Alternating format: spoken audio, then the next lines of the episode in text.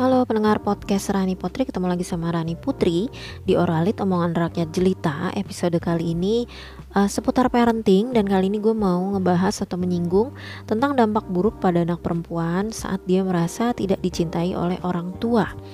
Ini gue menyadur dari uh, pendapat Peg Strip MA dari Columbia University dan juga penulis buku Dr. Detox Recovering from an Unloving Mother and Reclaiming Your Life.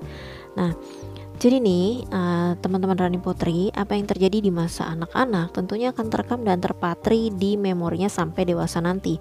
Bahkan ada tuh yang namanya inner child. Jadi kalau misalnya tuh seorang anak itu dia tuh uh, memutuskan untuk melupakan hal-hal yang terjadi di masa kanak-kanaknya, saking nggak enaknya gitu memori yang dia punya gitu atau uh, proses hidup yang sudah dia rasakan gitu. Itu sempat terjadi pada diri gue. Jadi gue emang nggak banyak uh, nginget apa aja yang udah terjadi di masa kecil gue. Nah nggak um, cuma itu ada jika memang ada hal buruk nih yang dialami seseorang di masa kecilnya ini ternyata bisa berdampak pada pembentukan karakternya kelak. Nah jadi terutama nih kalau sekarang kita ngomongin anak perempuan ya. Anak perempuan yang merasa tidak dicintai oleh orang tuanya ternyata ini rentan mengalami hal serupa dalam hubungan lainnya. Mulai dari hubungan pertemanan yang biasa bahkan sampai ke hubungan intim atau hubungan percintaannya gitu. Bahkan dalam hubungan percintaan gitu ya. Keyakinan ini berasal dari bagaimana dia diperlakukan di keluarga asalnya terutama oleh ibunya jadi yang namanya orang tua itu memang jadi role model untuk semua jenis hubungan ketika seorang anak itu besar.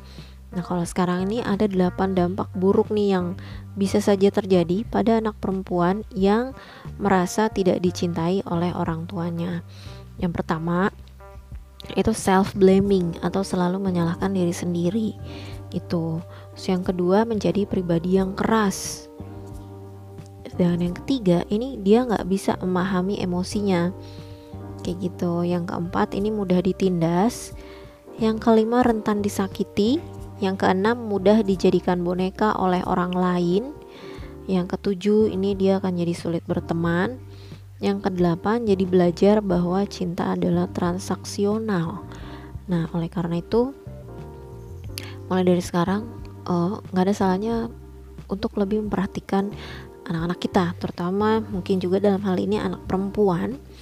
Karena kalau misalnya sampai merasa tidak dicintai oleh orang tua um, ini berdampaknya banyak gitu ya untuk dia dewasa kelak itu dalam hubungan apa pun. Baik hubungan pertemanan maupun hubungan percintaan.